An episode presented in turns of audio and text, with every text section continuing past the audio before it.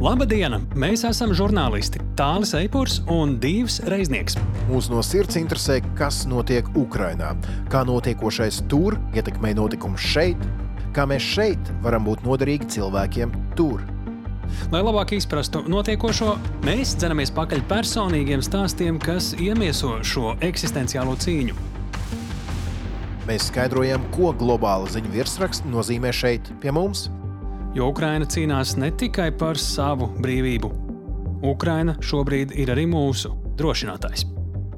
Esiet sveicināti! Šis ir raidieraksts drošinātājs tā 49. laidienā. Sveiks, tālu! Sveiks, divi! Tāls eipurs divs reiznieks drošinātājā par nu jau jauniem stāstiem, jauniem personīgiem stāstiem un jauniem ekspertu vērtējumiem par svarīgāko drošības politikā mūsu reģionā un pasaulē, kas viss saistāms ar karu Ukrainā. Divi.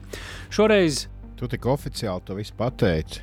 Es domāju, es kādu ziņu raidījumu esmu ieslēdzis. Atbrīvojies tālu. es jau vispār arī nāku no ziņām, divi. Ja?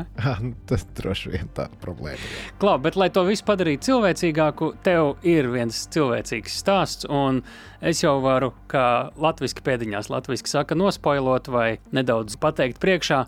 Šis būs ļoti cilvēcīgs stāsts, un par spīti visam Ukraiņas kara drūmumam, es teiktu tā, daudz arī tāda cīņas spara, bet eh, šajā gadījumā ne kaujas laukā. Divu par ko un ar ko tev tā saruna būs. Nu jā, man būs uh, liela intervija ar ekstra klases zobārstu, kuram ir privātā klīnika un pat vairākas Odesā, kurš ar saviem kolēģiem ņem brīvdienas katru nedēļu pa brīvdienai un brauc uz piefrontes zonām labot zobus.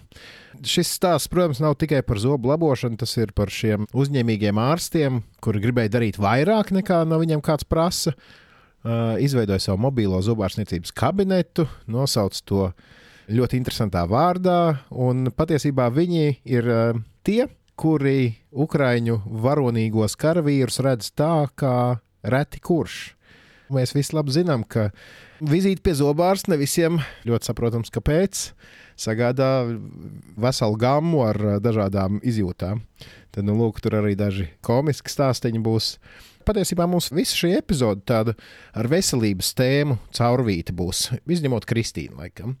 Varbūt tu vari jau ievadīt sarunu ar Kristīnu. Jā, labprāt. Mums te vairāk temati, varbūt pat mazliet vairāk nekā ierasts. Runāsim par to, kāpēc Krišānam Kariņam, kurš bija Latvijas premjerministrs, un eh, Kajai Kalsai, kura ir Igaunijas valdības vadītāja, jāsaka tā, ka diemžēl izskatās, ka ir diezgan maz cerību kļūt par NATO vadītājiem, lai arī viņu vārdi šajos pretendentu sarakstos ir parādījušies. Mēģināsim ar Kristīnu saprast, kāpēc tā.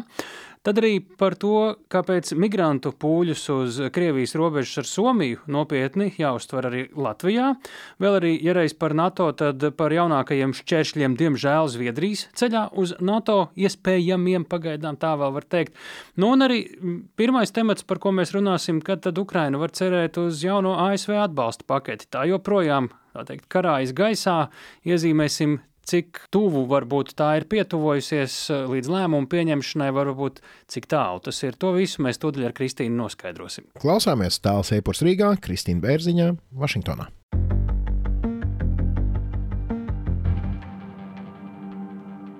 Sveiki, Kristīne! Sveiki, sveiki! Šobrīd ar vien vairāk runa par to, kā tad mēs, kā rietumi, spējam atbalstīt Ukrainu, ņemot vērā gan situāciju, kāda šobrīd ir frontē Ukrainā, gan to, kas notiek ārpus Ukrainas, tuvajos austrumos un līdzīgi. Un te pēdējās nedēļas, pēdējo dienu laikā ir dažādas viļņošanās. Ir gan Vācijas aizsardzības ministrs šobrīd Kijavā ar dažu labu jaunu solījumu, ir gan valsts sekretārs ASV Blinkens pavēstījis, ka ASV no Ukrainas nekur nepazudīs un turpinās atbalstu. Tajā pašā laikā parādās raksti, ka ASV Artilērijas šāviņu piegādes Ukrainai ir sarukušas par 30% tieši līdz ar konfliktu Gazā. Kur mēs šobrīd ar to visu atrodamies? Daudz pozitīvas lietas nāk no Eiropas, un, ja skatās uz Vācijas aizsardzības ministra Pistorijas vizīti Kijavā, tad ir skaidrs, ka Vācija arvien nopietnāk uzņem savas aizsardzības atbildības visai Eiropai, un ka varbūt lēnām Vācija ir iekustējusies, bet šobrīd kustās. Šis progress ir ārkārtīgi nozīmīgs, un arī jāskatās, kā uz priekšu. Tad nākošos piecus vai desmit gadus vispār Eiropas aizsardzības tālākā attīstībā, kāda nozīme būs Vācijai.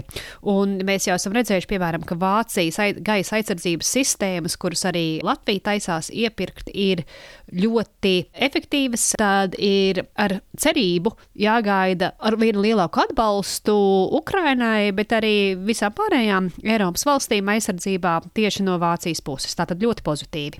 E, Antonius Blinkens, Amerikas valsts sekretārs, arī turpina uzstāt, ka būs atbalsts no ASV un, protams, no administrācijas puses ir ļoti liela cerība, ka tas notiks. Kas notiek kongresā? Jo šajā gadījumā tas nav atkarīgs no tā, ko domā Antonius Blinkens vai ko domā prezidents Baidens, bet aizķeršanās šobrīd tieši ir kongresā, tāpēc, ka vajag naudu tieši e, Ukrainai šajā brīdī. E, ja skatās, kas notiek senātā, senātā šobrīd spiež to, ka vajag kopā līdz Ziemassvētkiem pieņemt finansiālo paketi, kura atbalstītu Ukrainu un Izraēlu kopā. Senātā vēl joprojām uzsver to, ka abas ir prioritātes un šīs lietas ir jāsavieno. Vai tiešām savienos vai nē, drīzāk tur ir tās grūtības. Sākumā bija risks, ka mēs sākumā runājām par to, ka no administrācijas puses ir spiediens apvienot Izraēlas un Ukrainas jautājumu, par to, ka Daudzi varbūt tajā brīdī, oktobrī, uzskatīja, ka Izrēla ir e, steidzamāks jautājums un ka Ukraina vēl var pagaidīt. Šobrīd bažas par to, ka abi jautājumi tiek apvienoti, ir drīzāk no citas puses, ka tas, ka Izraels atbalsts ir ārkārtīgi kontroversiāls daudzās aprindās, arī īpaši kreisajā pusē, Amerikā un sabiedrības līmenī. Un administrācijai ir, ir bijis asāk jāizsakās pret Izraēlu attiecībā uz humanitāriem jautājumiem un par ļoti lieliem skaitiem kritušo palestīniešu pusē. Drīzāk varbūt ir pirmā skaņas par to, ka nu, varbūt nevajadzētu apvienot Izraēlas un Ukrainas jautājumu tādēļ, ka varbūt Izraels jautājums paliek pārāk kontroversiāls. Senātā vēl joprojām abas lietas nav kontroversiālas, abas lietas ir pašsaprotamas un nepieciešamas, un senātā ļoti taisās līdz Ziemassvētkiem panākt to, ka būs balsojums par šiem abiem jautājumiem vēlams vienā. Protams, tad ir apakšpalātā arī to jāpieņem. Vai ir vērts cerēt, vai tas ir bezcerīgi? Protams, tas iknedēļas jautājums mums ir. Labums ir tāds, ka valdības budžetu pagarināja līdz februāra mēnesim, bet ko tas reāli nozīmē, ka senatori un apakšpalātas kongresmeņi nestrīdēsies savā starpā par pamatu budžeta jautājumiem līdz Ziemassvētkiem. Laikam šogad līdz Ziemassvētkiem strīdēsies par ārpolitiku. Vismaz tad nav cits jautājums mūsu svarīgajam Ukrainas jautājumam priekšā, un tāpēc es teiktu, ka pēc budžeta pagarinājuma pieņemšanas ir skaidrs, ka vismaz vairāk laika varēs atvēlēt ārpolitikai, un atkal tāpēc, ka vairākums gan augšpalātā, gan apakšpalātā tomēr atbalsta Ukrainu, jo lielāka iespēja, ka beidzot tiek pie tā sarunas, un ka var e, uzmanību attiecīgi arī pievērst Ukrainas jautājumu, ir lielāka cerība, ka tiešām arī pieņems atbalstu, un nu, tāpēc, nu, garantijas vēl joprojām nekādas nav, bet līdz Ziemassvētkiem iespējams ir izredzes izskatīt šo jautājumu un pieņemt vēl finansiālo atbalstu, tāpēc, ka Ukrainai tas ir ārkārtīgi nepieciešams. Te jāatgādina, ka joprojām darbojas līdzšinēja lēmumi par atbalstu Ukrainai. Šis ir jau skats soļus uz priekšu, vai ne? Tieši tā, un arī ļoti daudz lielāka komunikācija no visām pusēm Vašingtonā par to, kāpēc tas ir svarīgi un ko tas reāli nozīmē. Piemēram, ir konservatīvās domnīcas, kuras pēdējā nedēļā ir izdevušas atkal jaunas komunikācijas par to, ka 60% no atbalsta, kas tiek atvēlēts uh, Ukrainai, kad 60% no tā atbalsta paliek tomēr ASV. Tas ir uh, militārā jomā īpaši, ja, tāpēc, ka Amerikā ražo ieročus, Amerikā ražo tankus un tam līdzīgi. Un tā nav nauda viena, kas tiek aizsūtīta Ukrainai, bet ir arī Amerikai kāds labums no tā. Un, protams, to iestāstīt konservatīvajiem kongresmeņiem un senatoriem, bet īpaši kongresmeņiem, tas ir ļoti nozīmīgi. Vēl kas ir, pagājušajā nedēļā, piemēram, Igaunijas premjera Kāja Kalasa bija Vašingtonā un tikās īpaši ar kongresa pārstāvjiem un arī ar ļoti konservatīvajiem domātājiem un ļoti uzstāja par to, ka Ukrainas atbalsts ir nepieciešams. Tā mēs redzam, ka Eiropieši brauc uz Ameriku un cenšas iestāstīt, paskaidrot, pierādīt, kāpēc tas ir nepieciešams. Un notiek liela mobilizācija gan no Vašingtonas, gan no sabiedroto puses šobrīd, lai iekustinātu šo jautājumu Vašingtonā. Pie kājas kalas mēs ļoti iespējams atgriezīsimies vēl šīs sarunas laikā, bet šobrīd pārceļamies uz Somiju un tās robeža ar Krieviju. Krievija izskatās pārnestā nozīmē šauj uz visām pusēm. Šis hibrīda ierocis, kas caur Baltkrieviju tika uz Latviju, uz Poliju, uz Lietuvu vērsts ar nelegāliem imigrantiem, tagad tiek pagriezts uz Somijas pusi. Un Somija ir gatava slēgt robežu ar Krieviju. Krievijā pret to jau ir ļoti naidīgi izteikumi. Kas tur šobrīd ir tas, kam būtu mums jāpievērš uzmanība, jo īpaši? Ko nozīmē dzīvot Krievijai blakām? Somijai jau bija tāda pieredze pirms vairākiem gadiem, ka no Krievijas ar riteņiem brauca pāri migranti. Somija tad varēja labi sarunāt ar Krieviju, ka tā tomēr nevar tā sūtīt. Pat izskatās, ka šodien vairāk nav iespējams ar Krieviju sarunāties un tomēr ierobežot nevēlamu un varbūt pat kā ieroci izmantotu migrantu plūsmu. Izskatās, ka Krievija vēlās uzlikt lielāku spiedienu Somijai. Protams, Somija tagad ir NATO dalība valsts, un Somija mazāk draudzējās ar Krieviju nekā iepriekš. Somijā militārajā pusē jau kopš otrā pasaules kara, kopš ziemas kara, ir bijušas ļoti mazas ilūzijas par Krieviju, bet sabiedrības līmenī tomēr arī bijusi liela tirzniecība un arī bieži tie ir normāls attiecības. Bet šodien laiki ir mainījušies, un tāpēc kas tagad notiek? Ja Krievija atkal izmanto migrantu plūsmas kā sava veida ieroci un gāž cilvēkus iekšā Somijā, Somija vienkārši pasaka ne un aizver robežas. Tā ir varbūt arī svarīga mācība pār pārējām valstīm, kurām ir robeža ar Krieviju, tā skaitā arī Latvijai. Ir dažādi veidi ieroči, dažādi veidi draudi un riski un spējas teikt, nē, mēs negribam, un šī nav joka lieta, tas ir svarīgi. Bet arī ar katru šo soli pieaug riski vispār, visur. Un svarīgi saprast, jā, protams, Ukraina arī Krievijai ir prioritāte attiecībā uz agresiju pret Eiropu, bet tikai tāpēc, ka notiek karš Ukrainā, tikai tāpēc, ka nevienam tur neiet viegli, nenozīmē, ka Krievija nav spējīga pamēģināt visu kaut ko citu arī citās vietās. Jo, ja skatās apakaļ tomēr uz 20 pirmā gada decembri, tad, kad Krievija uzrakstīja vēstules par savu neapmierinātību ar rietumiem, ar NATO valstīm. Tas bija pirms, protams, 24. februāra iebrukuma. Tad uh, Krievijas iebildumi nav tikai par Ukrajinu. Krievijas iebildumi ir par uh, mūsdienu pasauli, par NATO robežām, par to, ka vispār impērijas ēra sen jau ir beigusies. Un tāpēc mums nav jābūt pārsteigtiem par to, ka Krievija kaut ko mēģina gan tālajos ziemeļos, gan uz Somijas robežu, gan, gan jebkur citur. Drīzāk mums jābūt gataviem. Te ir runa par visām iespējamām metodēm, tā skaitā migrantu jautājumā, un robežu kontrole būs ārkārtīgi svarīga. Un tas parāda to, ka mums vienkārši visu laiku ir jābūt gatavībā, un Somijai, acīm redzot, ir grūtāk hibrīd jautājumos šodien nekā bija varbūt agrāk, bet arī Somijai šobrīd ir sabiedroto daudz vairāk un lielāks atbalsts no draugiem nekā jebkad iepriekš. Nu jā, un šādi Krievija arī kaut kādā ziņā parāda, ko tā var darīt arī ar valsti, kura ir NATO. Ar Poliju, Lietuvu, Latviju tas jau tika izmēģināts, tagad arī ar Somiju, bet ir viena valsts, kura joprojām gaida savu kārtu. Jā, Zviedrija vēl joprojām gaida savu kārtu, bet Turcija ir klupšanas akmens. Nākamnedēļ notiks Briselē NATO ārlietu ministru sēde.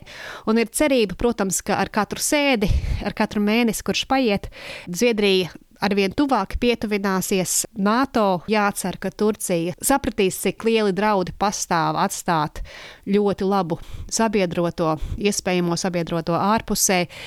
Problēma šī brīdī ir Izrēlā un Hamas karš, tāpēc ka attiecības ar tuviem austrumiem un Eiropu nav vislabākās dotajā momentā. Ir iespējams, ka arī šis jautājums var atlikt Zviedrijas dalību vēl vairāk, bet kaut kādā brīdī šitam arī ir vienkārši jānotiek. Man liekas, tā nepacietība arī NATO dalību valstu pusē arvien aug. Iespējams, progress ir, bet tajā pašā laikā tikpat arī var kāds izdarīt Izraēlas vai Hamasa jautājums atkal atlikt šo sarunu.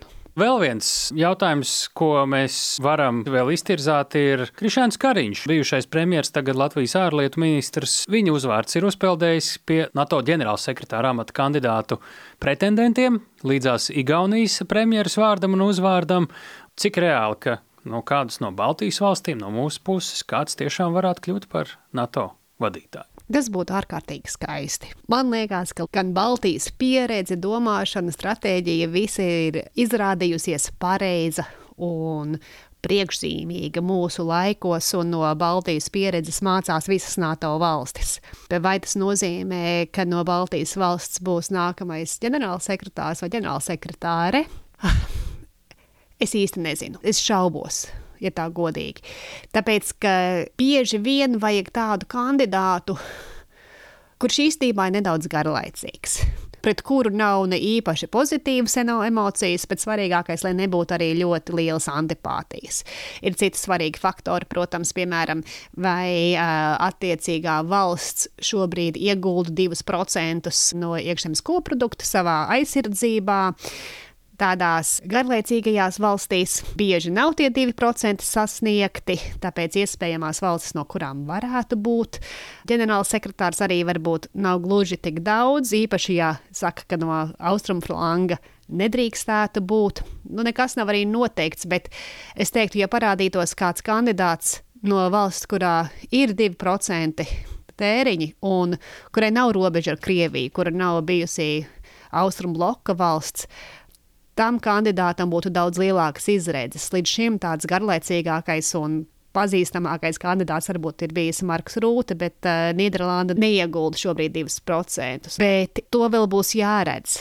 Nu, būtu ārkārtīgi skaisti, ja būtu kāds no Baltijas, bet tā politika, kura izspēlē tur, un tas, ka tomēr katrai valstī ir jāpiekrīt, ka ģenerālsekretāram ir jābūt visiem tīkamam, tad varbūt visspilgtākie kandidāti vai viss. Uh, gudrākie vai pareizākie, vai tādi, kuriem daudziem liktos tiešām vēsturiski kandidāti, ka, ja ir tomēr iebildumi, kad netiks izspiest cauri.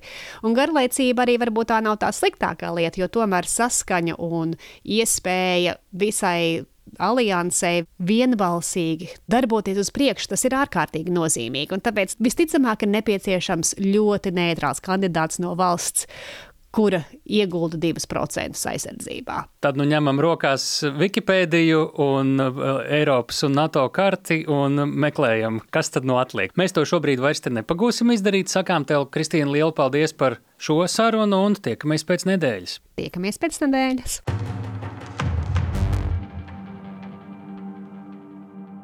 Paldies, Tāli! Paldies, Kristīnai! Liels, uh, liels paldies tiešām jums abiem diviem! Šī nedēļa man paskrējusi trakos darbu skrējienos, un ir ļoti labi, ka Kristīne tā īsi un koncentrēti, pateicoties taviem konkrētajiem jautājumiem un brīnišķīgai montāžai, mums ļoti ātri visu apstāsta. Jā, un tā viņi dara katru nedēļu. Tā kā, ja klausāties mūsu pirmo reizi, tad droši slēdzat iekšā mūsu raidierakstu drošinājums arī pēc nedēļas. Jā, te gan jāsaka tā, ka šie temati mums top arī ar divreiznieku atbalstu, lai nebūtu tā, ka te kāds ir aizmirsts. Ja? Bet runājot par šo Kais Kallas aktivitāti, viņa te pēdējās dienās ir bijusi Amerikā. Un tur veikusi tādu, nu, es nezinu, kā lai to nosauc, kampaņu vai vizīti vai aktivitāti, zinot, ka viņa ir ar ambīcijām būt par NATO ģenerālsekretāri, zinot, ka viņa joprojām pārstāv valsti, kas aktīvi advokātē aizstāv Ukrainu un atbalsta Ukrainai, nu tad eh, jāsaka tā, ka Tas, ko Kristīna saka, viņa ir ļoti spēcīgi parādījusi sevi tur Amerikas domnīcām, politiķiem un atstājusi labu iespaidu. Un, arī pārliecinoši uzstājusies, un es domāju, ka tas ir gan labi runājot par viņas kandidēšanu uz NATO ģenerālsekretāra amatu, lai arī cik mazas vai lielas tās izredzes, kā mēs ar Kristīnu runājām, nebūtu. Gan arī, protams, neviens solis nav liekas, kurš Amerikā tiek spērts par labu Ukrainai, un ja to dara Igaunijas premjerministri, arī tas mums dara. Bet, Dīvi, tu jau sākumā iesāki, ka mums raidījums tāds mazliet medicīniski saistīts ar karu, ar Ukraiņu karavīru veselību, tā skaitā. Jā, runāsim mēs ar zobārstu no Odesas, bet pirms tam mūsu nosacītajā explaineru sadaļā gribēju pieminēt kādu ziņu, ko es Latvijas mēdījos gan neatradu, varbūt slikti meklēju. Pagājušajā svētdienā, ja šo klausāties kaut kad vēlāk, tad tas ir 19. novembrī, Ukrainas eh, prezidents Zelenskis no amata atbrīvoja bruņoto spēku, kā nu sanāk, medicīniskās daļas komandieri, proti galveno kaujas mediķi, Ukraiņas bruņotajos spēkos ģenerālmajori Tetjānu Ostašenko. Viņas vietā nozīmēts Nacionālā militārās medicīnas klīniskā centra vadītājs Anatolijas Kazmirčuks. Un, Lūk, ko teica Zelenskis komentējot šo lēmumu. Uzdevums ir skaidrs, un sabiedrība, it īpaši kaujas mediķi, to pieprasījuši ne reizi vien. Ir nepieciešams principiāli jauns medicīniskā atbalsta līmenis mūsu karavīriem. Nu, lūk, tā vien izskatās, redz, mēs runājām ka pirms, man liekas, diviem mēnešiem tika atlaista uh, aizsardzības ministrijas visa vadība. Gan ministrs, gan ierēģi. Tagad uzmanības starmeši ir nonākuši arī līdz medicīnai. Tas katrā ziņā ir labs jaunums, jo Lai arī mēs dzirdam, jā, Ukrāņu karavīri trenējas Anglijā, Latvijā, vēl kaut kur daudzās dažādās valstīs, pārņem NATO militāros standartus, tad uh, arī mūsu lielajā šīs dienas intervijā dzirdēsiet par to, ka patiesībā medicīna, kas ir ļoti svarīga daļa no kaujas uh, lauka uh, dzīves, tā ir kaut kā atstāta novārtā. Ja runājam tieši par mūsu intervijas viesi, tas būs Sergejs Bass. Viņš ir zobārs ar 20 gadu pieredzi. Viņam pieder privātā zobārstniecības klīnika Odesā, precīzāk, pat vairākas. Viņš ir eh, brīvprātīgais, kurš kopā ar partneriem un kolēģiem ir izveidojis mobīlo zobārstniecības kabinetu. Tam dots nosaukums ļoti interesants un ar jēgu. To sauc par Zubaisters. Intervijā dzirdēsiet, kāpēc tieši tāds nosaukums. Mm -hmm. Nu, jā, un ar no zobārstniecības kabinetu uz riteņiem viņi katru nedēļu dodas uz piefrontes zonām lai bez atlīdzības eh, labotu karavīru zobus un to darītu nu, pēc privātās klīnikas standartiem. Un šajā intervijā jūs sapratīsiet, kāpēc vispār es runāju par šo kaujas medicīnu un, un manu prieku par to, ka tam tiek pievērsta uzmanība. Jo sanāk tā, ka kaujas laukā tie ģenerāļi, kuri var aizbraukt savu, aizbraukt pie sava zobārsta, kad tas ir vajadzīgs, viņi uzskata, nu jā, priekš kā mums zobārsts tur uz vietas kamēr tas kaujas mediķis, kurš reāli strādā ar tiem karavīriem, viņš redz, ka nepietiek. Valsts atbalsta kara medicīnai nepietiek. Un tieši tāpēc arī ir šis zubaisters, šis mobilais kabinets, tā izveidotājs Sergejs Bass, kurš arī mums pastāstīs, kā tad ir tur kaujas laukā, kāpēc viņi brauc labot karavīru zobus un cik šis darbs ir nozīmīgs. Un vēl tikai svarīga tehniska piebilde. Tā kā šī intervija šajā reizē būs eh, Krievu valodā, tad mums vienmēr šajā brīdī, tad, kad jūs mūs klausāties, ir piedāvājums, ka jūs varat turpināt klausīties šo pašu raidieraksta versiju, un tad tā skanēs šī intervija ar tulkojumu latviešu valodā pa virsmu. Bet, ja jūs vēlaties dzirdēt Sergiju viņa paša intonācijās, tad tur tepat blakus šai epizodē jābūt ir intervijai oriģinālā valodā. Pēc tam gan atleciet atpakaļ, jo mums pēc intervijas būs ko teikt. Klausāmies! Divs reiznieks, Sergijs Bass, zobārsts no Odesas, kurš ar kolēģiem dodas uz frontes tuvumu labot zobus karavīriem.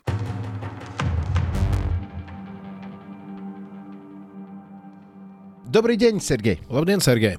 Добрый день! Labdien! Ja знаю, что вы опытный стоматолог. Es zinu, ka jūs esat pieredzējis zobārs no Odesas, kurš izveidojis zobārstniecības klīniku uz riteņiem, kas dodas uz fronti, lai ārstātu karavīrus. Bet pirms mēs sākam runāt par šo projektu, pastāstiet, kas vēl par jums mums būtu jāzina. Что мы должны знать про вас? Я врач-стоматолог, хирург и ортопед. У меня есть там своя klīnika в Одессе. Esmu ārsts, stomatologs, ķirurgs un ortopēds. Man ir sava klīnika Odesā. Zobārstniecībā praktizēju jau 20 gadus. Ar militāro zobārstniecību esmu saistīts jau visai sen, jo pēc 2014. gada, kad sākās pirmā Krievijas ekspansija Ukrainā, Ukraiņu zobārsti 26 km attālumā no Doņetskas, Ukrainas pārvaldītajā teritorijā, izveidoja brīvprātīgo organizāciju Trizuba Dental. Realitātē tas bija namiņš, kurā zobārsti no visas valsts saveda nepieciešamās iekārtas, un tad mēs tur viens pēc otra braucām tādās kā nedēļu ilgās maiņās un ārstējām karavīrus, kuri dienēja pretterorisma operācijas zonā. Es tur biju vairākas reizes, un pēc 24. februāra, kad sākās pilna mēroga karš, bija jau skaidrs, ka karavīriem zobu problēmas nekur nav pazudušas, tieši otrādi palikušas lielākas. К сожалению, никуда не делись, а наоборот, стали сильнее. Как бы. Tā nu pirms pusotra gada, pagājušā gada vasaras sākumā, es un kolēģi no manis izveidotās klīnikas Profident Dreamhouse, kā arī partneri, ar kuriem kopā esam izveidojuši Profident Junior, un ārsti no turienes izlēmām, ka vēlamies kaut kā palīdzēt mūsu militāru personām, jo vajadzība ir milzīga.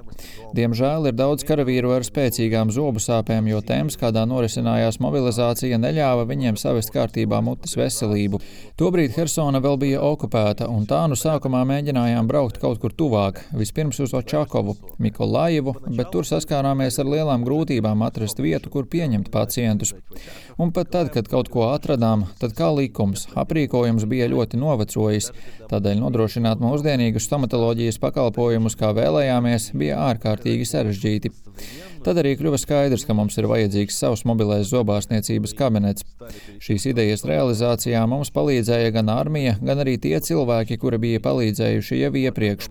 Un tā realizējās projekts, kam devām nosaukumu Zubaisters. Все это и так появился проект, назывался Зубайстер. Почему такой? Kāpēc šāds nosaukums? Это там отдельная история, потому что в славянской и украинской мифологии есть такой тох чугайстер. Tas ir atsevišķs stāsts. Ukrāņu mitoloģijā ir tāds gars, kuru sauc Čugaisters. Viņš ir viens no nedaudzajiem labajiem gariem, aizsargāja cilvēkus, palīdzēja tiem. Tad, no nedaudz paspēlējoties ar viņu vārdu un pievelkot klāt zobus, sanāca Zubaister, ukrāņu gars, kurš palīdz labot Ukraiņas karavīru zobus. Tā nu pirms gada vai nu jau sanāk nedaudz vairāk, mēs pabeidzām pirmo Zubaisteru, mūsu pirmo mobilo stomatoloģijas kabinetu un sākām braukt. Tobrīd tieši tika atbrīvota Hersona. Hersonas apgabalā bija milzīgs daudzums mūsu karavīru. Tas ir vietas, kur diemžēl vēl aizvien atlido daudz raķešu. Katrā ziņā tur bija vajadzīga mūsu palīdzība. Sākām turp doties vienu, divas reizes nedēļā, biežāk gan divas, un nodrošināt ārstēšanu uz vietas pie karavīriem. Pie tām nodrošinājām stomatoloģijas pakalpojumus gandrīz pilnā apjomā. Ārstējam, izraujam, plombējam, atjaunojam. Mūsu mobilais kabinets pilnībā aprīkots ar modernām iekārtām. Tur ir gan rentgena aparāts, gan datori ar ekrāniem un viss cits nepieciešamais. Mums ir arī savs ģenerators, tā kā neesam atkarīgi no kāda. Šis mobilais kabinets ir nevis lai izrautu kādu sāpošu zobiņu, bet gan lai nodrošinātu pilnvērtīgu un mūsdienīgu stomatoloģisko palīdzību. Tā kā varam darīt visu, kas nepieciešams. Un tajā, nu jau vairāk kā gadu, pēc brīvprātības principa strādā zobārsti, protams, bez atlīdzības. Понятное дело, там на безоплатной основе. А вот уже больше года выезжают. Вот нам помогли аграрии нашей Одесской области, и вот месяц Mums назад... palīdz Odeses apgabala lielie zemnieki, pateicoties kuriem pirms mēneša pabeidzām jau otru zubaisteru. Otra mašīna ir pilnībā gatava, un nu varēsim savu darbu darīt vēl labāk. Plāns ir tāds, ka vienu mašīnu atstāsim kaut kur tur, kur tas vajadzīgs, un tad tur kādu laiku pēc maiņu principa brauks ārsti un sniegs palīdzību 3, 4, 5 dienas pēc kārtas.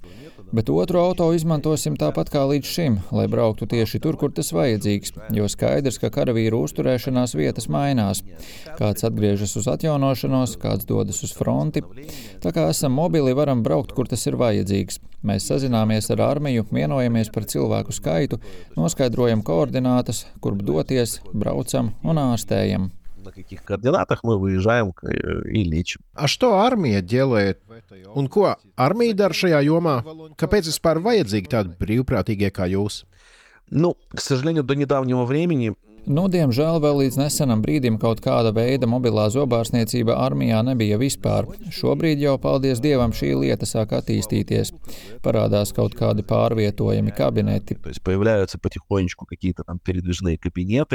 появляются там... Армейские. Армейские. появляются там... Armijas, armijas ja? армейские, именно, да, именно армейские. Вот они, слава богу, начали появляться. Jā, armijas. Paldies Dievam, tādi sākuši parādīties. Diemžēl līdz nesenam laikam bija vien kaut kādi stomatologi, kuri bija stacionāros hospitāļos, kam nebija nekāda saistība ar frontes priekšējām līnijām.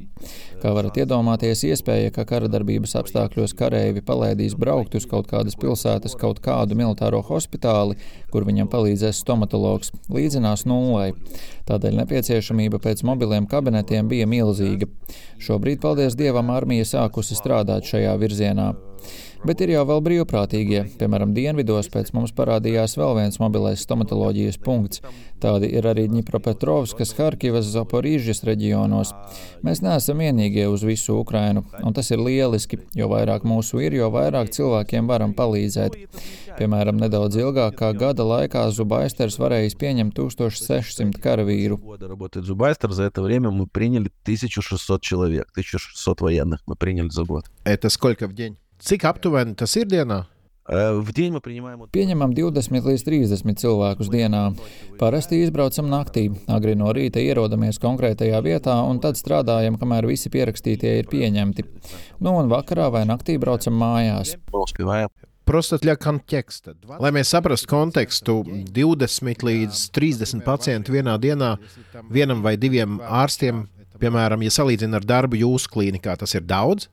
Это очень много. На Tas самом ir daudz. Patiesībā tas tiešām ir daudz. Vienkārši šajos izbraucienos dodas pieredzējušie ārsti, kuri strādā ātri, precīzi un labi saprot, ka ne jau atpūsties mēs turp dodamies. A какая ваша команда? Kāda ir jūsu komanda? Cik cilvēku parasti braucat, un eh, vai tie parasti ir vieni un tie paši cilvēki? Нет, э, они меняются, но это в целом врачи ассистенты наших клиник. Вот. Nē, viņi mainās, bet tie visi ir mūsu klīniku, Profident Junior un Profident Dreamhouse ārsti palīgi.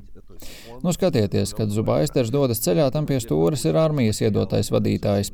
Mēs paši esam busiņā, kurā ir arī visi nepieciešamie materiāli.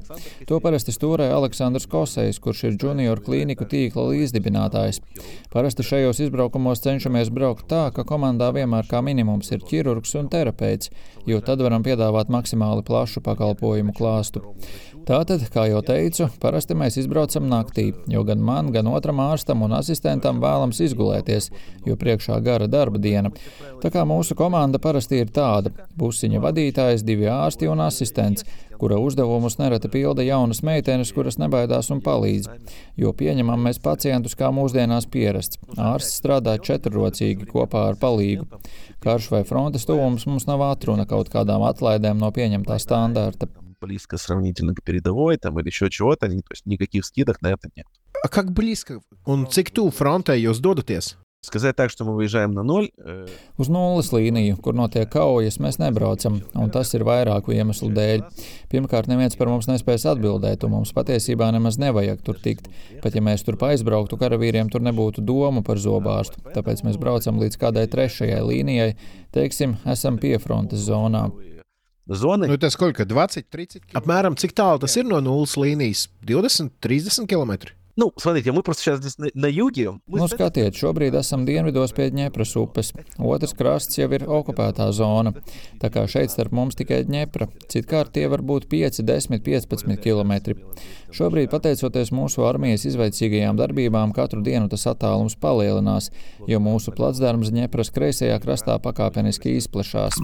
плацдарм на левом берегу Днепра потихонечку растет наш. Nu, ja čitala в одном интервью вашam, vienā no jūsu intervijām lasīja, ka pirmie mēģinājumi doties uz piefrontes zonu un labot karavīru zobus no armijas puses nemaz netika uzņemti atplastām rokām.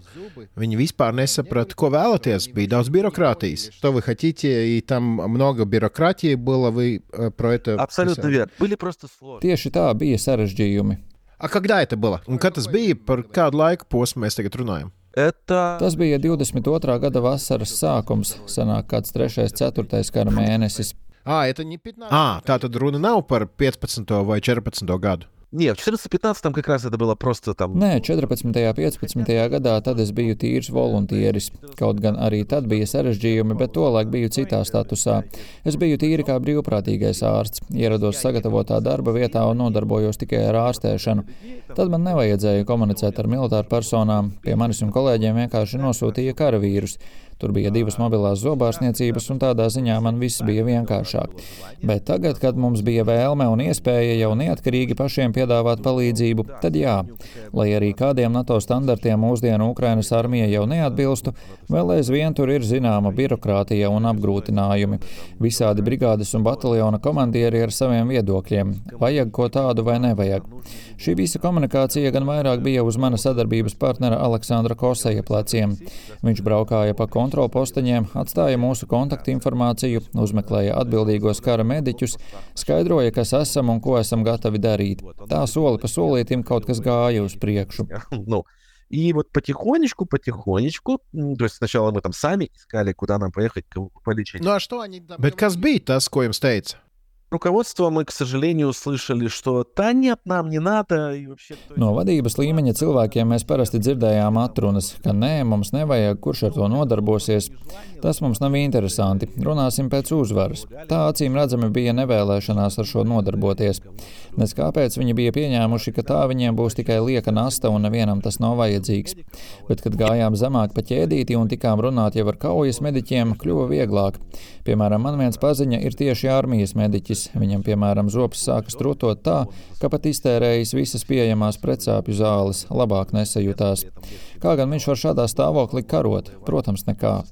Un kāpēc mēs vispār sākām savu darbību vasarā? Jo zināju, ka galvenās problēmas sāksies rudenī, tuvāk ziemai. Tā kā šobrīd? Да, это, это то же самое, да, что происходит сейчас. То есть... Jā, šis ir tieši tas laiks, par ko runāju, kad ir augsts, mitrs. Diemžēl viņi nevienmēr atrodas nosacītos siltumnīcas apstākļos. Tā var būt dzīvošana tranšajās ierakumos, kur ir augsts slapjš, un pat ja iepriekš karavīram nav bijuši jūtama problēma ar zobiem, šādos sarežģītos klimatiskajos apstākļos viss tikai sāsināsies. Principā sācinājums var kļūt tik liels, ka kļūst pat par draudu dzīvībai. Это, в принципе, опасно даже там, ну, для жизни, а не просто даже там То есть, казалось бы, там какая-то стоматологija. Var jau šķist, kas tad tur ir, kaut kāds caurumiņš zobā, taču šādos apstākļos ir daudz iespēju komplikācijām, strūtošanai, kas var novest pie milzīga skaita nelabvēlīgu scenāriju. Līdz ar to mums pašiem ir skaidrs, ka skaistu kronīti, jā, to varam uzlikt pēc kara, taču šos sliktos slimības attīstības scenārijus mums saknē jānovērš bez kavēšanās. Tas reāli palīdz un sargā mūsu karavīru dzīvību. Реально там помогает, бережет их жизни. Nu, ладно, тогда получается так. Большие командиры. Tad sanāk apmēram tā, ka lielie komandieri, kuri var doties uz lielpilsētu pie sava zobārsta, zobārsta trūkumu frontē neuzskatīja par svarīgu. Ja? Да. Jā, droši vien tā. Puskaļas pa un laižoties lejup pa ķēdīti, tad tur jau pretī bija sapratne, ka karavīriem jūsu palīdzība būtu noderīga. Tā sanāk? Да, им это было нужно, и вы понимаете, все-таки одно дело там вот. Jā, viņiem tas bija vajadzīgs. Nu, piemēram, bataljona komandieris, kurš visus savus karavīrus var nosaukt vārdā, apzinās, ka tā ir problēma. Šajā līmenī, protams, mums kļuva vieglāk, un pēc tam, kad jau sākām strādāt, situācija kļuva pretēja.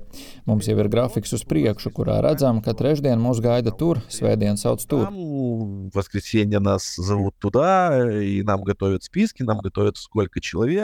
Mums gatavo sarakstus ar pacientiem, saprotam, kādas būs vajadzības.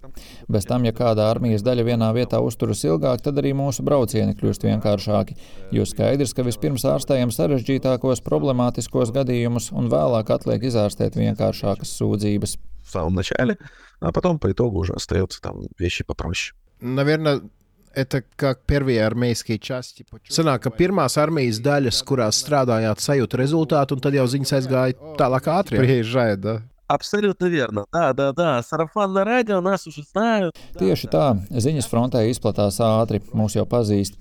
Nu, viss ir daudz labāk un vienkāršāk. Tā skaitā arī ar vadību problēmu vairs nav. Viņi novērtējuši to, ko darām, saprot šī darba rezultāta vērtību. Tādēļ tagad viss jau ir daudz vienkāršāk. Поэтому сейчас, естественно, все стало значительно проще. Вы упомянули. Jūs minējāt, ka armija mainās, pieņemot NATO standartus, bet kā tas ir jūsu jomā? Ir kādi pieņemti stomatoloģiskie standarti, tur es nezinu, Ukraiņas armijā vai NATO valstu armijās? Jūs par to varētu zināt vairāk, может быть, вы знаете. Есть, на самом деле есть везде. в любой армии и даже там. Patiesībā, jebkurā armijā šādi standarti ir, pat pēc padomju kanoniem to visu būtu bijis jāņem vērā, taču, diemžēl, jau daudzus, daudzus gadus neviens to vērā nav ņēmis. Ne iesaukšanas brīdī, ne apmācību procesā, ne dienesta laikā. Neviens īsti nenovērtēja ārstēšanas nozīmību. Vēl vairāk šāda ārstēšana arī netika veikta. Diemžēl tā tas arī bija. Šobrīd, kā jau teicu, situācija ir izkustējusies no nulles punkta. Piemēram, starp paziņām man ir zināmi armijā iesaukti stomatologi. Vairumam no viņiem šī situācija nav vienaldzīga, un viņi cenšas mainīt attieksmi pret zobu veselību armijā. Потому что, то есть, еще там на этапе военкомата, ну, то есть его проверяет там хирург, ортопед, понимаете, почему там нет стоматолога. Viss sākas jau iesaukšanas brīdī, kad jauniesaucamo pārbauda ķirurgs, ortopēds. Kāpēc tur nav stomatologs, ja problēmas karēvim šajā ziņā vēlāk var būt ne mazākas kā citās veselības jomās? Tā kā situācija lēnām sāk mainīties un ceru, ka pēc kāda laika mutes veselībai tiks pievērsta līdzvērtīga uzmanība. Будет не менее важно, чем остальные сферы здравоохранения. Что больше всего? Kādas likstas jums savos braucienos nāks ārstēt visbiežāk?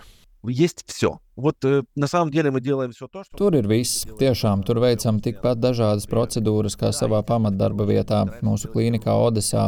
Protams, pirmkārt mēs cenšamies veikt ķirurģiskās iejaukšanās, raujam zobus, saknes, atrisinām lietas, kas citādi varētu radīt nopietnas sekas. Taču tālāk jau darām visu pārējo. Plombējam, atjaunojam zobus, tīrām kanālus.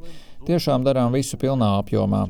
Jā, sākumā dzirdējām bažas, ka brauksim un nodarbosimies tikai ar ķirurģiju, rausim, griezīsim, bet tā nav. Darām arī visu pārējo. Нет, слава богу, такого нет. То есть мы делаем все. Но есть же процедуры. Bet ir taču procedūras, kas prasa vairāk laika. В современной стоматологии, на самом деле, все меньше остается протоколов. Patiesībā mūsdienu stomatoloģijā ir arvien mazāk problēmu, kas nav atrisināmas vienas vizītes laikā. Piemēram, ja agrāk bija atvērts nervs, tad mēs vienā reizē ieliktu zālītes, pēc nedēļas izņemtu nervu, tad vēl kaut ko izdarītu. Tad šodienas tehnoloģijas, un mūsu buss ir aprīkots tieši ar tādām, ļauj šīs problēmas atrisināt uzreiz. Uztaisām anestēziju, novācam nervu, aiztaisām kanālus, uzreiz atjaunojam zobu. Jūs uzdevāt ļoti labu jautājumu, jo mēs varam tajā pašā vietā atgriezties pēc nedēļas, bet konkrētie karavīri jau var tur vairs nebūt. Iespējams, viņi pārmesti uz kādu citu vietu, tāpēc arī cenšamies visu izārstēt uzreiz. Reti taču, diemžēl, ir situācijas, kuras mēs nekādi nevaram atrisināt vienā vizītē. Šādām reizēm mums jau atstrādāti risinājumi. Piemēram, pagaidu plombas vietā liekam pastāvīgo, jo nevar viņam zobos likt ko tādu, kas var sairt pēc trīs dienām. Tad dodam karēvim pavadvēstuli. Ja viņš nevar sagaidīt ierodamies mūsu nākamajā reizē, bet ir iespēja tikt pie zobārsta kaut kur citur, tad viņš tam speciālistam iedos mūsu vēstuli, kurā aprakstīts viss, kas jāizdara, lai pabeigtu procedūru, kuru mums pašiem nebija iespēja novest līdz galam. Taču patiesībā šādas situācijas mums gadās reti. Kā jau teicu, mūsdienu ārstniecības protokoli dod mums iespēju palīdzēt personai vienas vizītes ietveros. Jā, varbūt situācijas, kad miera laikā par kādu saknīti mēs varētu pacīnīties vairāk, un arī tad nebūtu garantija, ka izdotos. Tomēr pašreizējos apstākļos es labāk izņemu šādu sakni, un tad, kad atkal būs miers, varēsim tur ielikt jaunu zobu. Labāk tā nekā neziņa. Pazudīs iekaisums vai nepazudīs, būs komplikācijas vai nebūs. Protams, šādās situācijās kara stomatoloģija atstāja savu ietekmi. Man jābūt pārliecinātam, ka aizejot no manis ar šo karēvi viss būs kārtībā. Да, я должен быть уверен, что с этим бойцом все будет хорошо. Вы уже второй раз упомянули. Šī ir jau otrā reize, kad pieminējāt terminu militārā stomatoloģija. Tas ir kaut kas cits nekā parastā стоматология? Я как раз имею в виду то, что отношение другое еще. Это то, о чем вы спросили, что э, мы отдаем... Ar to gribu teikt, ka attieksme ir cita. Tas ir tas, par ko jautājāt. Mēs apzināmies, ka mums jāārstē maksimāli droši. Mums nav tiesību kļūdīties vai radīt sarežģījumus. Atrodoties Odesā savā kabinetā, to apzināties, ka, ja nu kaut kas aiziet ne tā, pacients jebkurā gadījumā var atgriezties pie manis. Savukārt tur, atrodoties pie frontes, es vairs nevaru atļauties tā strādāt. Tas ir, es tur neveikšu manipulācijas, kuru rezultātā komplikāciju iespēja ir visai liela. Tas ir tas, ko es saprotu ar terminu militārā zobārstniecība. Pirmais un vissvarīgākais aspekts ir paveiktā darba rezultāta uzticamība. Mums ir jābūt stingrai pārliecībai, ka tas, ko darām, vēlāk atkal nesāks sāpēt, neizirs vai neradīs jaunas komplikācijas. Tā ir galvenā atšķirība. Principā tā ir citāda domāšana, jo gan Odesā, gan frontē strādājam ar vienādu tehniku un materiāliem. Tikai frontē vienmēr jābūt pārliecībai par darba rezultātu un vēlams šo darbu padarīt vienas vizītes laikā. Получается ли так, что vai šī pieredze jums ļauj uzlabot arī savu meistarību, свой уровень? Зачастую туда там, там молодые врачи, например, тоже там хотят поехать, там все это вот. А мы не берем. Bieži vien arī jaunie ārsti vēlas turp doties, bet mēs viņus neņemam. Kāpēc? Jo šeit ir jāstrādā skaidri, ātri, bez tiesībām kļūdīties. Uz turieni brauc labākie no labākajiem ārstiem, par kuriem skaidri zināms, ka viņi tur būs noderīgi, noteikti nekļūdīsies un katrā gadījumā izvēlēsies pareizāko risinājumu. Vai mēs tur paaugstinām savu līmeni? Mēs drīzāk to nevis paaugstinām, bet katru reizi pārbaudām, jo, kā jau minēju, nav laika ilgi domāt kaut ko izlabot vai pārtaisīt.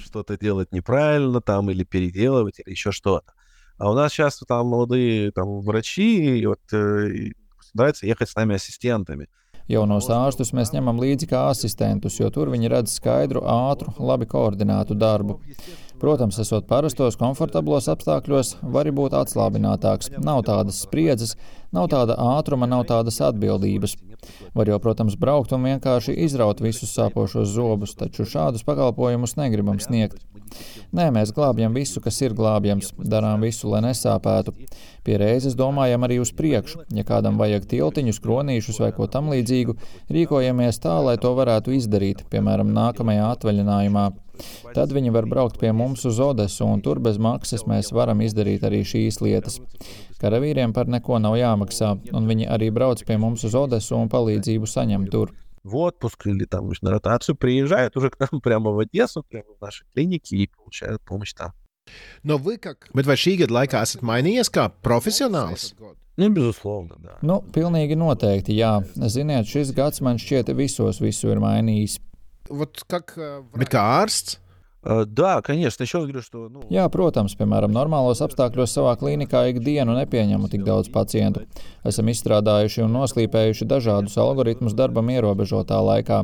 Piemēram, viens ārsts strādā ar iekārtām, tikmēr pārējie dara ko citu. Ir daudz nianšu, daudz variāciju un sīkumu, kurus šī gada laikā patiešām esam pietuvinājuši ideālam. Я знаю, что военные медики приезжали в Latviju. Zinu, ka Ukraiņas militārie mediķi ir braukuši uz Latviju un apmācījuši mūsu militāros mediķus tām prasmēm, kas iegūtas nepastarpināti frontē. Var sanākt, ka tad, kad Ukraiņa uzvarēs, arī jūs varētu kļūt par starptautiski pieprasītu speciālistu šajā jomā. Может быть, уже очень потребованным специалистом в этой сфере. Все может быть. Viss var būt. И в Одессе вам Un jums vairs nebūs laiks strādāt Odesā, būs jābrauc pa pasauli un jāapmāca kolēģi. Вокруг света учить специалистов. Все может быть. Nu, viss ir iespējams. Galvenais vispirms ir uzvarēt. Это правильно. Так, tieši tā. Bet kurš šobrīd izlēma, kur jūs dodaties? Мы просто смотрим по заявкам. Mēs skatāmies pēc pieprasījumiem. Tur visiem ir mūsu telefona numuri. Ar to pārsvarā nodarbojas mans partneris Aleksandrs Kosejs. Armīnieki zvana viņam, bet viņš sastāda grafiku. Man ir viena alga, kur teiks, tur braukšu un ārstēšu. Tas parasti notiek šādi. Ienāk pieprasījums, tad ar kolēģiem apspriežamies, kurā dienā varētu braukt, jo atcerieties, mums visiem ir arī parastais ikdienas darbs. Tad nu ņemam brīvdienu un braucam tur. У нас просто вот я себе беру выходные, и вот вместо выходного еду туда. Эта смена получается где-то... Sanāk, ka šāda maiņa ilgst aptuveni 24 stundas. Да, да, плюс-минус, да. Jā, jā, plus-mínus tā. Как безопасно, cik drošs ir šis darbs? Kas tiek darīts, lai maksimāli pasargātos no apšaudēm? Kā tiek risināti šie jautājumi? Это решается все. Ну, первое, как бы, не, все, кто мы выезжаем, у нас у всех есть бронежилеты, у нас есть kaski. Pirmkārt, mums visiem ir ložu necaurlaidīgas vestes ķīveres, un ja mēs pārvietojamies pa zonu, kur diemžēl kaut kas var notikt vai atlidot, tad šādam variantam esam gatavi. Otrakārt, armīnieki nu mūs jau ļoti iemīlējuši un novērtē to, ko darām. Tādēļ galamērķis parasti tiek izvēlēts tāds, kas būtu maksimāli drošs, cik nu tas iespējams, jo apzināmies, ka tur pilnīgi drošu vietu nav. Ano, viņi vibirēja viņu lai mēs, man bija maksimāli bezpēcīgi. Tomēr tiek pielikti visi pūliņi tam, lai mūsu atrašanās vieta nekristu acīs ne cilvēkiem, ne droniem. Piemēram, karavīrus pie mums ved mašīnās, taču šīm mašīnām aizliegts apstāties mūsu tiešā tuvumā, lai neveidotos cilvēku vai mašīnu pūdurs, kas piesaistītu uzmanību. То есть поэтому нам в этом помогают, собственно говоря, военные, не профессионалы. Šajā mums palīdz armīnieki. Viņi tomēr šajā lietā ir profesionāļi, tādēļ konkrētas vietas izvēle ir viņu pārziņā. Tur nav sīkumu. Tiek darīts viss, lai apstākļi būtu maksimāli droši. Ja nu netālu sākas apšaudas vai lido šāviņi, tad pārceļamies uz citu pozīciju. Tādiem žēl arī ir bijis.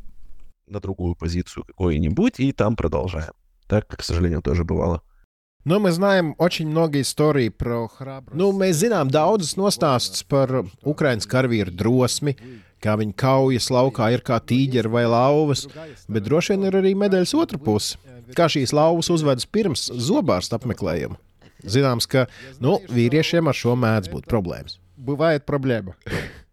Да, вы знаете, вот прям вы очень в точку спросили, потому что... Jā, jūs ar savu jautājumu labi trāpījāt. Bija mums, piemēram, gadījums, kad atbraucām uz noteikto vietu, esam gatavi darbam, pie mums atnāk aizalsies komandieris un saka, nē, nu saprotiet, uz viņiem kilometra attālumā virsū brauc tanks, bet šie ņem ieroci un tiešā tēmējumā bliež tam virsū, nebaidās.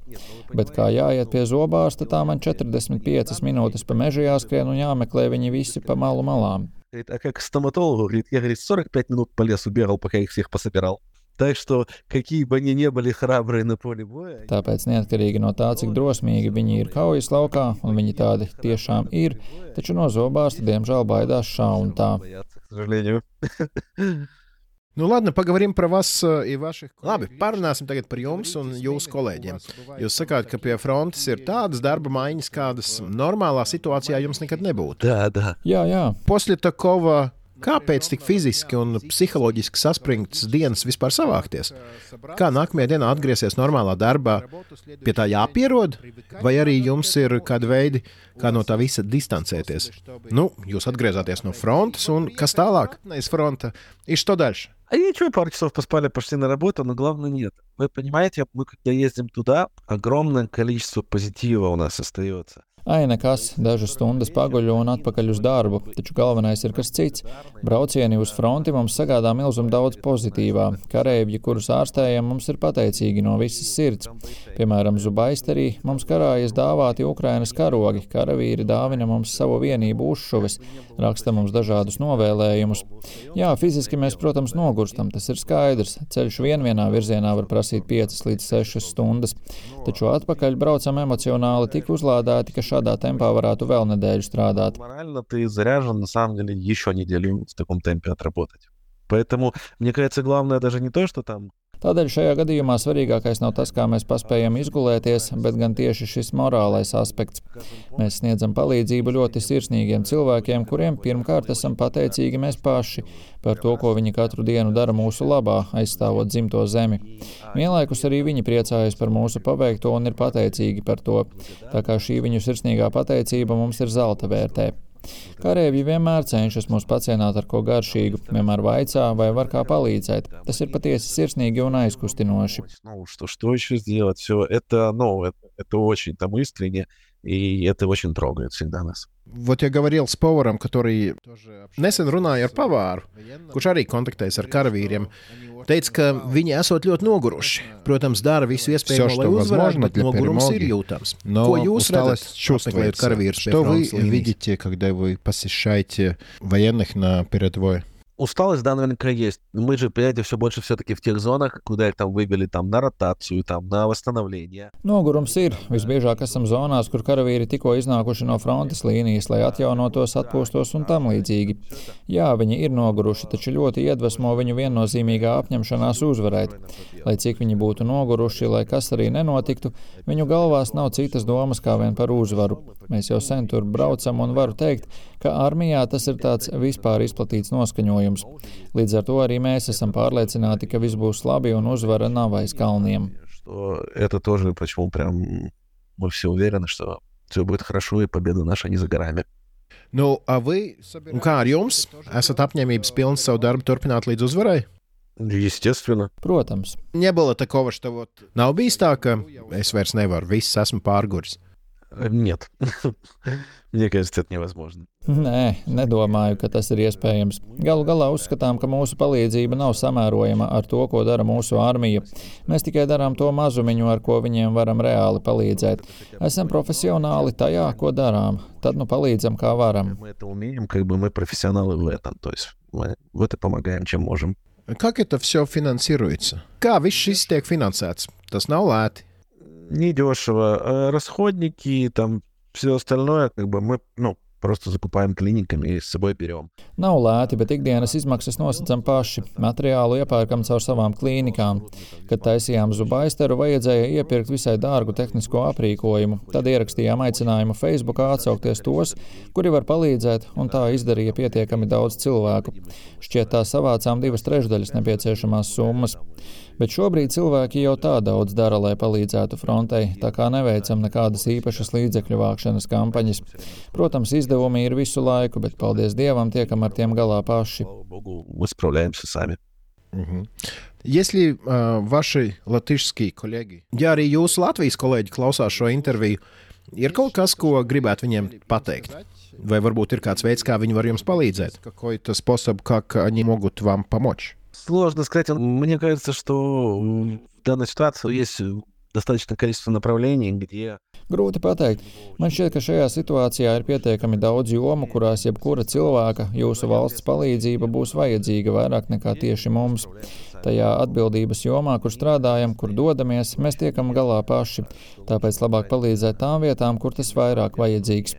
Piemēram, kara lauka slimnīcās, kur regulāri pietrūkst asiņu un visa kā cita, kas tiek patērēts lielos apjomos, glābjot ievainoto dzīvības. Tāpēc man šķiet, ka šajā sarakstā palīdzība tieši mums būtu liekama pēdējā vietā. раненых. Поэтому мне кажется, что в этом списке помощь конкретно нам, ну, на каком-то там последнем месте. I Kancē, mēs vienmēr beigās uzdodam saviem viesiem vienu un to pašu jautājumu. Ko jums novēlēt personīgi? Līčna. А, не знаю, правда, сейчас такое время, когда кроме победы, наверное, особенно пока нам больше ничего и не хочется. Es tiešām nezinu, tagad tāds laiks, kad neko citu kā uzvaru īpaši negribās, bet ko man varētu novēlēt? Uzreiz pēc uzvaras ar prieku apmeklēt jūsu valsti un iepazīties ar kolēģiem no Latvijas. Patiesībā es jau sen gribēju to izdarīt. Ceru, ka pēc uzvaras man būs šāda iespēja. Es tāpat kā jebkurš ukrānis ļoti novērtējam jūsu palīdzību. Lai arī neesat īpaši liela valsts, jūsu palīdzība un atbalsts ir milzīgs. Es tikai gribēju teikt, ka es, tāpat kā visi ukrāņi, mēs to zinām, mēs to novērtējam, mēs esam ļoti pateicīgi. Как и все украинцы, мы это знаем, мы это ценим, мы очень благодарны. После перемоги. Ja domāju, ka pēc uzvaras es domāju, ka mums jābrauc uz Odesu. Jo man ir sajūta, ka tur būs Zubaistera muzejs. Muzeja Zubaistera. Обязательно. Noteikti tādu uztaisīsim. Если вы говорите там много ševronu, nu, ja jau teicāt, ka jums sadāvināts daudz uzšūs un citas piemiņas lietas, tad jau tur būs ko redzēt. Да, нам там и там нам Jā, pretgaisa aizsardzības spēki mums arī sadāvināja visu kaut ko aizsardzībai, tā kā pamats muzeja krātuvē jau savācies labs. Хорошо. Labi, liels paldies. Labi, liels paldies, Sergei. Всего приятно было пообщаться. Вам спасибо за то, Bija prieks ar jums parunāt. Paldies, ka pievēršat šai tēmai uzmanību. Всего хорошего. Vislabāk. Да, всего доброго. Visu to labāko!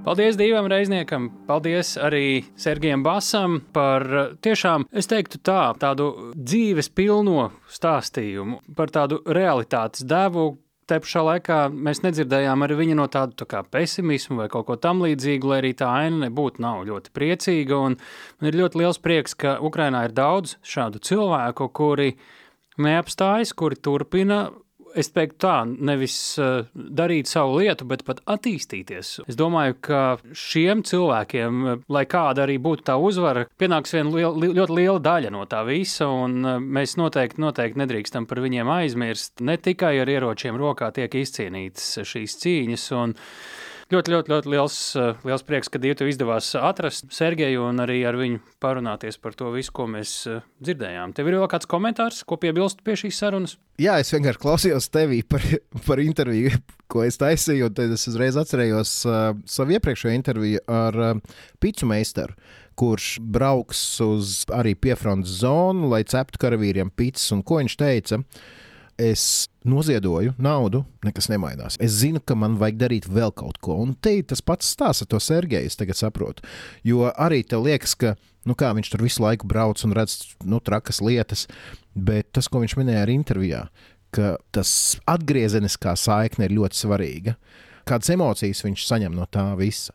Un, protams, ka viņš, kā labi droši vien apmaksāts zobārstniecības klīnikas vadītājs, galvenais ārsts, mierīgi varēja to nedarīt. Bet, lūk, ir bijusi šī personiskā izvēle taisīt kabinetu, braukt uz fronti un darīt vairāk nekā no tevis kāds prasa. Te arī es atceros, tev sūtīju vienu saiti, kur Latvijā, starp citu, arī ir izgatavots vai uzražots vai salikts viens mobils zobārstniecības kabinets, pilnīgi Pār. nesaistīti ar šo mūsu interviju. Tieši vienā laikā faktiski tās ziņas, gan mūsu intervija, gan ziņa parādījās, tā kā mēs turam īkšķus arī par šiem cilvēkiem, kurus Ukraina sūta šādu kabinetu, tas vēlreiz tikai apliecina, ka Sergeja stāstītais ir absolūta vajadzība Ukraiņas frontē.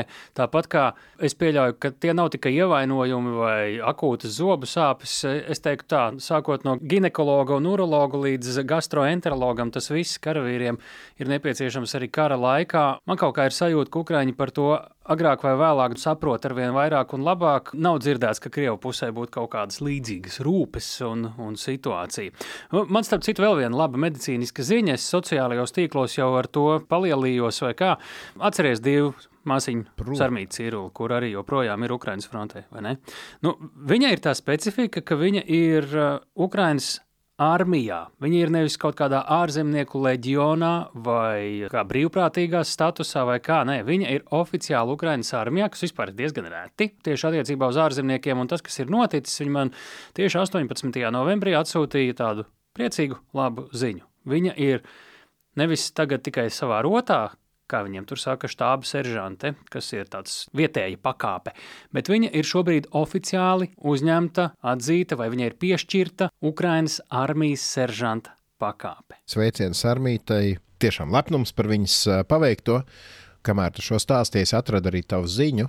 Tas izrādās, tā ir Ganta fonds, kurš no Latvijas uz Ukrajinu ir sagatavojis sūtīšanai mobīlo zobārstniecības kabinetu ideāli, jo, jo tādu tur uh, vajag vēl un vēl. Bet tālāk es zinu, ka Sarmīte ne tikai padalījās ar šo lielisko ziņu, bet atsūtīja arī kādu īpašu sveicienu no Ukrainas. Varbūt to mēs varētu atskaņot uh, šī raidierakstu noslēgumā, kas ir jau pienācis. Jā, es domāju, pabeigsim ar to formālo pusi, un noslēgumā šis sarmītis atsūtītais, nu jāsaka tā, gan nopietnais, gan patīkamais pārsteigums. Tā tad, divi, kur mums var rakstīt, kur mums var sūtīt ziņas, ieteikumus, kritiku, šis ir jāatgādina. Jā, rakstiet mums vēstules drošinātājs at Latvijas Rādio LV, lietojiet hashtagu drošinātājs sociālajos tīklos vai uzmeklējiet mani un tāli sociālajos tīklos. Mēs tur esam, mēs to visu lasām, atsaucamies un uh, ņemam vērā kritiku, ieteikumus un, un tam līdzīgi. Un lielo interviju, kā vienmēr, LSMLV var lasīt, un būs klāt pievienots arī bildīts. Redzēsiet, kā Zubaisters izskatās, redzēsiet, kā pats Sergejs izskatās un viņa kolēģi darba laukā pie frontes zonās. Nu, un tie aktīvākie mūsu klausītāji, kur ķer epizodi līdz ar tās iznākšanas brīdī, ja viņi vēlas lasīt un redzēt, tad nu, parasti ir eh, šīs intervijas eh, rakstītā un lasāmā formā ir eh, notveramas vairāk tā kā uz nedēļas nogali. Tie, kuri varbūt vēlāk klausās, tie vienkārši var aiziet pameklēt tās intervijas tur lielākoties. Protams, ka ir.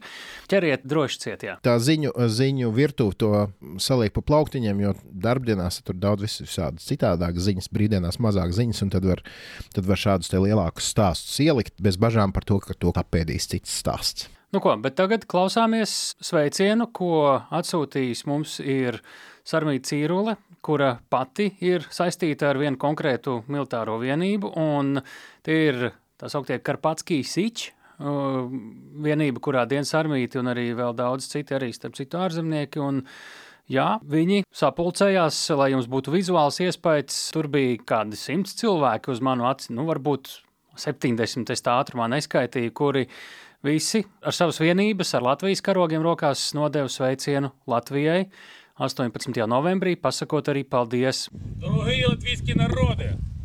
Дорогі!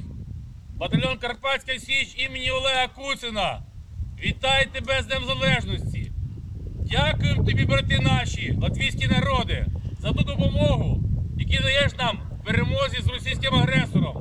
Дякуємо за виховання синів і доньок свого народу, які пліч-опліч з нами допомагають нам воювати з росіянами. Дякуємо, що виховав нашу семі, яка є кращою в підрозділі. dzirdat, kā burtiski jāsaka, kaujas laukā vai blakus tam, pūšot vējam, knapi dzirdot, ko viņi saka, varbūt brīžiem, bet tas, ko viņi teica, ir īsumā dārgā latviešu tauta. Šodien bataljons Karpatskijas Sičs sveic tevi neatkarības dienā. Pateicamies jums, brāļi latvieši, jūs stāvat ar mums šajā karā par brīvību, plecu pie pleca, cīņā ar Krievu agresoru. Paldies jums! Mēs apsveicam jūsu valsti! tās gada dienā. Paldies, tev, paldies Sarmītē un paldies Karpatskij Sičs. Šis bija uh, raidieraksts drošinātājs 49. epizode, un nu tas ir pienācis līdz beigām. Paldies, ka klausījāties! Sadzeramies pēc nedēļas. Vislabāk! Un atcerieties, drošinātājs tas ir skaidri un personīgi par karu Ukrajinā.